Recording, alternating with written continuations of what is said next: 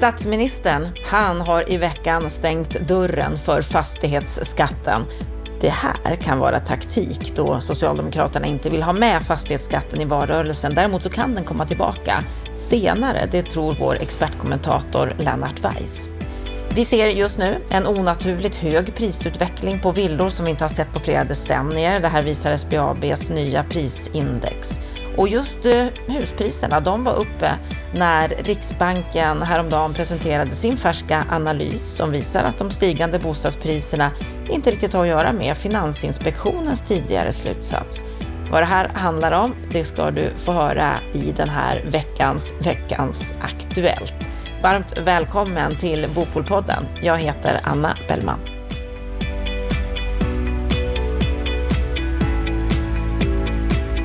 Under veckan som har gått så har bland annat vår statsminister Stefan Löfven varit ute i media i affärsvärlden och sagt att han vill avvisa återinförd fastighetsskatt. Att om klyftorna i Sverige ska fortsätta bekämpas, att jämlikheten i landet ska stärkas och då ska vi inte ha någon ny fastighetsskatt. Vad säger du om det här, Lennart Weiss? Ja, det är ju helt uppenbart att det här hänger ihop med en valrörelse som vi är i någon sorts tidigt förstadium av. Man har ju gjort den analysen från Socialdemokraterna sedan länge att man förlorade valet 2006 på fastighetsskatten och den nära döden upplevelsen som man en gång har varit, äh, gått igenom, den vill man inte uppleva igen. Och sen finns det ju ytterligare ett skäl till att man stänger dörren så hårt och det är ju att två stora Eh, partidistrikt inom det socialdemokratiska partiet. Stockholm, Stockholms stad och eh, Skåne har motionerat eh, om att återinföra någon form av fastighetsskatt. Det har villägarna uppfattat som att den gamla fastighetsskatten ska återinföras och det har väl aldrig varit på tapeten så där tycker jag att man går lite väl långt. Men inte ens någon typ av reformerad fastighetsskatt eh, vill uppenbarligen Stefan Löfven ha på den politiska agendan nästa år, utan han vill stänga den dörren en gång för alla. Och om jag får citera en mening bara ur den, eh, det Facebook-inlägg som han har gjort och som sen har citerats av media så säger han så här. Vanligt folk ska aldrig behöva oroa sig för att behöva gå från hus och hem om det område de bor i blir populärt. Det vill säga man ska inte behöva drabbas av en ökad skattebelastning om grannen har sålt sin villa och eh, därmed eh, taxeringen i området har ökat och, och du på det sättet får högre fastighetsskatt. Men det finns ju ett par problem med det här kan jag tycka. Inte för att jag själv är någon anhängare av att återinföra den gamla fastighetsskatten, men jag tillhör ju de som ändå menar att fastighetsskatten, det vill säga beskattningen utav värdetillgångar, är en komponent i ett skattesystem, givet att, att det är utformat på rätt sätt och givet att det också används till att finansiera rätt sorts åtgärder. För jag menar, även om vi inte har en fastighetsskatt i den gamla meningen eh, idag, så har vi ändå en kommunal fastighetsavgift som är lika över hela landet och den fungerar ju i praktiken som en landsbygdsskatt.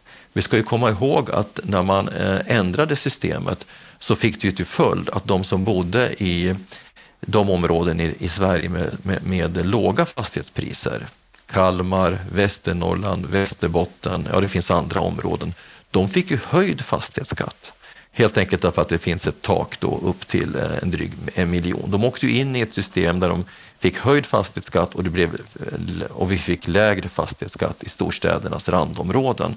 Så i praktiken så fick ju landsbygdens folk som har svagare ekonomi rent generellt sett högre skattebelastning kan det vara vettigt och rättvist? Jag har ju själv förordat att man borde ändra i den här beskattningsskalan och kanske rent av ta bort fastighetsbeskattningen upp till den första miljonen i, i taxering och sen eh, kicka in ett system, säg från en miljon i taxeringsvärde upp till 2,5-3 miljoner. Då skulle det bli relativt neutralt. Den typen av förändring hade varit välkommen att diskutera och jag tror att det av många skäl hade varit bra med den typen av eh, diskussion därför att landsbygdens folk känner sig marginaliserade utav utav Stockholm och det här skulle ha varit en bra signal. Sen finns det en aspekt till och det är att bostadspolitiken är underfinansierad. Sen vi avskaffade den gamla fastighetsskatten har vi i praktiken inte haft något utrymme för större bostadspolitiska reformer. Så att vill man så att säga omfördela mellan de som ändå har fått stigande värden och sätta in resurser hos de som har möter bostadsmarknaden med tom plånbok, då är fastighetsskatten en av de komponenter man kan diskutera. Men det behöver ske med varsamhet och eftertanke Så slutsatsen av det här, Anna, är att han vill säkert ha en fastighetsskatt, men han tänker banne mig inte införa den själv, utan då ska det ske inom ramen för en större politisk överenskommelse där andra partier tas som gisslan. Och till dess att vi har ett sådant läge, då stänger Stefan Löfven dörren. Så ska du uppfatta det. Och ett sådant läge kommer vi ju inte ha före valet. Absolut inte, inte en chans. Men, men eh, det kan ju uppstå senare, det vet ju ingen. Men han tänker i varje fall inte eh, lägga den bilan eh, runt sin hals inför en, ett val. Det, det är nog tämligen klart efter det här uttalandet. På svt.se så kan vi läsa och höra att priserna på villor har stigit kraftigt det senaste året, fortsätter upp. Det här är ju ingenting nytt, men nu har SBAB kommit ut med ett prisindex där de menar att den här ökningstakten av bostadspriserna är den högsta sedan man började mäta på 1980-talet. Ja, det är fascinerande ehm, och det är klart att ehm, att villapriserna i vissa eh, regioner har ökat med 25 procent på ett år är ju uppseendeväckande. Det är inget snack om det. Det han säger här, Robert Boye som är chefsekonom på SBAB, det är att vi har egentligen inte sett en sån här stor prisuppgång någonsin. Men ska man hitta någon period där priserna har ökat ungefär lika mycket så får man gå tillbaka till slutet av 80-talet. Och det han menar är det största problemet, det är att kommuner inte planerar marktilldelning för byggande av småhus. Det här har vi ju kommenterat mm. förut. Ja, och man kan ju säga att Stefan Attefall kommenterade saken indirekt i sin ledare förra veckan. Eh, jag menar, det är ju uppenbart att kommunen är en del av problemet här. Eh, Robert Boye pekar ju på att villornas andel av, det total, av den totala nyproduktionen har gått från 45 till cirka 20 procent per år eh, om vi jämför nuläget med tillståndet för 25-30 år sedan. Och det är en effekt av att eh, kommunerna helt enkelt inte prioriterar villaboendet som i sin tur eh, är en effekt av ett planeringsideal som finns hos, i både politiska kretsar men också eh, de tjänstemän som jobbar på stadsbyggnadskontoren. Och det beror ju på att man har ju föreställningen om att den täta staden är eh, bäst ur hållbarhetssynpunkt. Bor vi tätare så, så behöver vi inte resa lika mycket, transportera oss lika mycket och då blir det bra. Men, men eh, som Stefan då påpekar i sin ledare för en vecka sedan så finns det för det första inget skäl att, att eh, driva den hypotesen utifrån idén om den dynamiska staden, de här så kallade agglomerationseffekterna täthetseffekterna som påverkar tillväxten positivt finns med koppling till arbetsmarknaden, inte till bostadsmarknaden. Återstår då miljöargument och där tycker jag man kan peka på eh, rön som så att säga stödjer både det ena och det andra argumentet.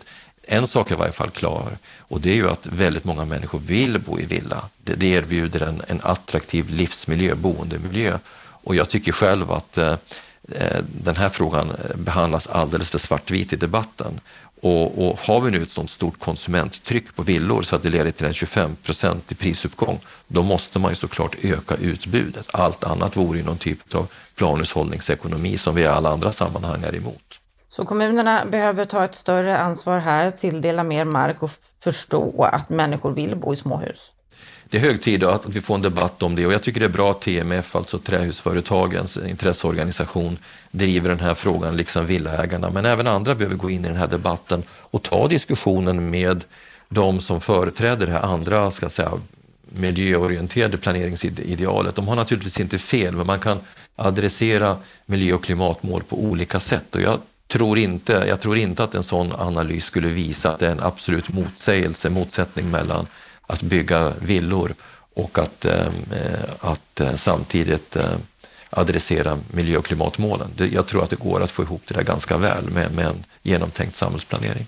Och just det här med bostadspriserna, de har också varit uppe på ett annat ställe. Det är den sista nyheten vi ska ta upp här i veckans Aktuellt. Det är finansutskottets utfrågning av Riksbanken gällande penningpolitiken, där huspriserna var uppe till diskussion flera gånger. Vad, vad handlade det här om? Ja, alltså finansutskottet gör ju den här typen av fördjupande utfrågningar då och då som du och andra lyssnare och läsare utav våra sajter och poddar vet så har jag ju varit och är väldigt kritisk till finansutskottets utfrågningar. Jag tycker att de är lama tillställningar och styrs väldigt mycket av gästerna. Och det var väl delvis på samma sätt den här gången också, men kanske en liten, liten uppryckning. Men det som var den mest intressanta med det hela var ändå vad, finans, eh, vad Riksbanken sa i sak. Eh, det var intressant på två sätt. För det första så eh, är det ju så att de har precis presenterat en promemoria som heter Fördjupning, snabbt stigande bostadspriser trots eh, coronakris. En liten eh, PM på 10-11 sidor där man går igenom olika möjliga hypoteser till varför priserna har stigit så kraftigt det senaste året. Och det intressanta med den promemorian det är ju att den helt underkänner Finansinspektionens ganska slarviga analys utav sambandet ökade priser och den amorteringspausen som då blev någon sorts motiv för Thedéen att, att återinföra eh, amorteringarna från den 1 augusti. De sågar ju den hypotesen fullständigt utan de, de, menar att när de går igenom möjliga samband, till exempel samband med stigande inkomster eller fallande räntor eh, eller eh, ökat sparande eller vad det nu är, så kommer de ju fram till att man kan inte, eller en, en, stigande börs, så kan man inte förklara hela prisuppgången bara med den sortens faktorer. Utan eh, Eh, de säger istället så här, sammantaget kan utvecklingen av bostadsräntan och den disponibla inkomsten bland hushållen inte motivera de snabbt stigande bostadspriserna det senaste året. Förklaringarna måste därför sökas på annat håll. Ja, en av de hållen har vi precis pratat om med referens till Robert Boye, bristande utbud på till exempel villor. Men längre ner så säger de så här att eh, när de har gått igenom eh, aktiepriser och de har gått igenom eh, de amorteringsfria lånen, man avfärdar alltså den hypotesen, så kommer man ju fram till att det har mer frågan om livsstilsförändringar. De, de skriver då citat, en tänkbar förklaring till att hushållen vill lägga mer pengar på sina bostäder är att, de har mer, är att mer tid till, tillbringas i hemmet. Och sen analyserar man det och så konstaterar man att det faktum att hushållen under pandemin har fått en mer styrd konsumtion. De har inte kunnat resa utomlands och konsumera kapitalvaror på, på, på samma sätt som förut. Så har de ökat sitt sparande och så har samtidigt deras livspreferenser eh, förändrats. Och det har gjort då att eh, man inser att man kanske kommer att jobba på ett annat sätt efter coronakrisen. Det är alltså relativt stabila förändringar över tid. Och, det, och då har det bidragit till att man har sett över sitt bostadsbehov och med mer pengar i plånboken, det vill säga ökat sparande, men också stöd av andra saker som låga räntor och så, så har helt enkelt hushållens efterfrågemönster förändrats. Så att den här promemorian ger ju väldigt starkt stöd för att det finns särskilda coronaeffekter eh, livsstilseffekter som, som har påverkat den här starka prisuppgången och det får i sin tur stöd av ekonomiska ramvillkor som låga räntor, stabil börs, ökat sparande. Men det finns inget stöd för att det skulle ha varit på något vis amorteringspausen eller ett slarvigt beteende hos hushållen eller att bankerna har ändrat sin kreditpolicy. Det finns inget stöd för det överhuvudtaget. Så för den journalist som, som granskar det här lite noggrannare och jämför vad Thedéen respektive Ingves säger kan ju plötsligt konstatera att Riksbanken uttrycker sig mycket mer nyanserat och det är tack vare tjänstemännen på Riksbanken som har gjort en väldigt bra promemoria och det är värt att uppmärksamma i sammanhanget. Så att sammanfattningsvis, utbudsproblemen är en faktor men också förändrade preferenser hos hushållen. Och då är frågan, kommer det att stå sig? Det vet vi inte, men jag tror att vi kommer att ha en mer kvardröjande efter coronaeffekt. Jag tror faktiskt det. det. det. hör jag redan nu när vi börjar prata om hur vi kommer att bete oss på jobbet efter corona. Det, det, även om vi vill tillbaka till kontoren av vissa skäl så vill vi inte tillbaka riktigt på samma sätt som förut. Och det talar ändå för att eh, den här trenden kommer att hålla i sig ett tag. Jag tror det i varje fall. Ja, hur det blir med den trenden, det kommer vi ju få veta så småningom. Än så länge så spekulerar vi. Stort tack för att du har varit med oss i veckans Aktuellt den här veckan. Gå gärna in på bostadspolitik.se och läs mer där. Med detta så önskar vi dig en riktigt trevlig helg.